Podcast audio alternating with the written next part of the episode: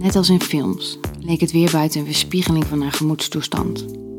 Door de regen die tegen de ramen sloeg, was ze al wakker voordat de wekker aankondigde dat de dag aanstond zou aanvangen. Els wilde niet. Zelfs na drie keer snoezen had ze nog onvoldoende moed bij elkaar geraapt om de omarming van haar warme dekbed in te ruilen voor de kille kusjes van de vloer. Dit uitstel maakte haar echter onrustig. Natuurlijk wist ze dat ze niet veel langer kon blijven liggen. Om negen uur had ze de presentatie voor het managementteam en daarna moest ze zich haasten om de offerte op tijd bij de klant te krijgen. En ze kon het niet laat maken, want ze moest ook nog een pakketje ophalen en boodschappen doen, omdat haar beste vriendin kwam eten vanavond. Els haatte de stress, het moeten, altijd maar voldoen aan de eisen van anderen. Het liefst begroef ze zich onder haar dekens en vergat ze de hele wereld. Maar wat graag zou ze willen ruilen met Uncle Vester, haar sphinx, die zich warmde aan haar voeten. Al was het maar voor één dag. Volgens haar beste vriendin zou ze aan sport moeten doen. Of yoga. Want ja, Els, daar word je zo chill van.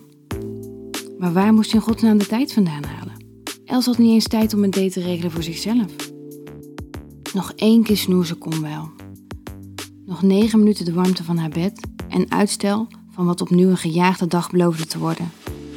Negen minuten om nog even te ontspannen en te genieten van de geborgenheid van haar dekbed.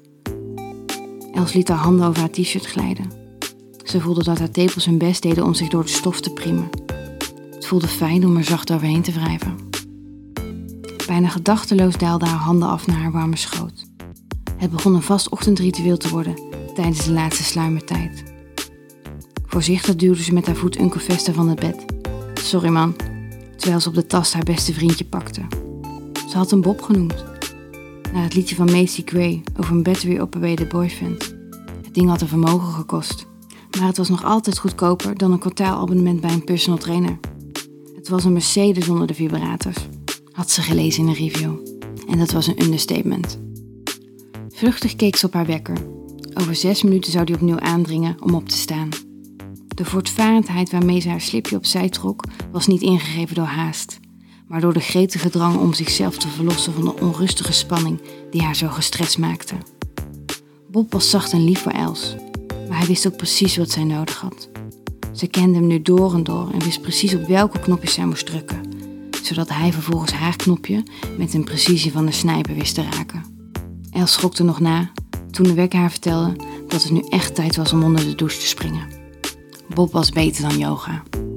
Beter dan welk zelfhulpboek tegen een burn-out dan ook.